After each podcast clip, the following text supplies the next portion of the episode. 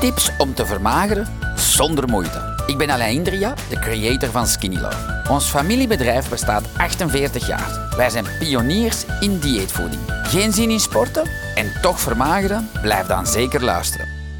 Een leuke gouden tip.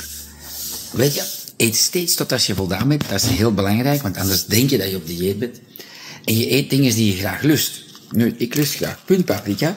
Ik lust graag geitenkaas. Ik heb er net een slag gemaakt met rode bieten. Maar ik dacht, oh, ik heb toch nog wel een goestingsje. Ik denk, ik kan dat apart bijten. Nee, ik kan niet leuk maken voor mijn skinny lovers. Zie, ik heb een kurkuma crackers gebroken, misschien nog een paar. Hup, ik pak wat geitenkaas. Nog cracker, nog geit. Ik heb de pitches eruit gehaald, hè. Goed aanduwen. Ziet er al mooi uit, hè.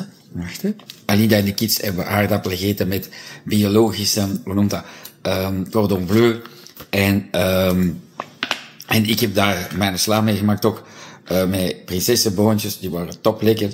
Dus je ziet, ja, ik hou van mijn gezondheid en mijn kinderen die moeten gevarieerd en gezond eten. En Alida doen we dat ze wil. Voilà, die is nog piepjong. En ik wil nog graag lang op een, en gezond op de planeet lopen. Dus, zie. Gewoon testen, hè. Mm. Ik hele lekkere geitenkaas van Sotteniebo van. Fromagerie des Ardennes. Voilà. Dat is gekocht in Kingdom Bioplanet. Ja. Ja, Alida zegt ja. Mm. Top lekker. Geniet ervan. Zo, met al deze informatie kunnen jullie zelf aan de slag gaan. Ik ben alvast benieuwd naar jullie resultaten.